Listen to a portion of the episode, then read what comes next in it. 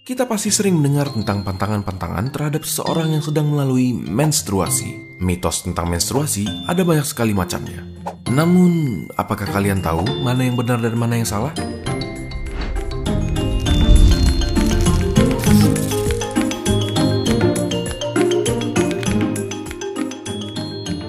Coba kita bahas satu persatu pantangan yang paling sering kita dengar. Pertama, larangan keramas saat menstruasi. Tidak ada alasan yang konkret untuk mendukung pernyataan ini. Malahan, mandi atau keramas dengan air hangat dapat membantu meredakan kram saat datang bulan. Selain itu, kebersihan tubuh saat menstruasi juga perlu dijaga, salah satunya dengan cara berkeramas.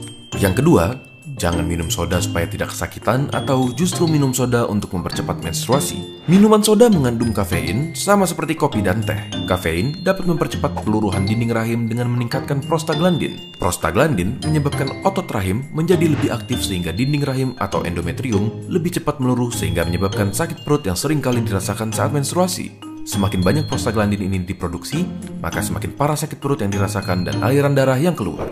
Ketiga, larangan minum minuman yang dingin karena membuat darah membeku dan susah keluar. Faktanya, cairan yang kita minum akan masuk ke saluran pencernaan yang tidak berhubungan dengan rahim. Dan ini tidak terdapat pengaruh antara minuman dingin dengan pembekuan ataupun aliran darah yang keluar pada saat menstruasi. Yang keempat, larangan berhubungan seks. Pada kenyataannya, hubungan seksual dikatakan dapat meredakan kram atau sakit perut saat menstruasi. Tetapi ada juga kemungkinan bahwa lingkungan vagina saat menstruasi yang lebih basah dari normal perlu dipertimbangkan karena meningkatkan resiko infeksi.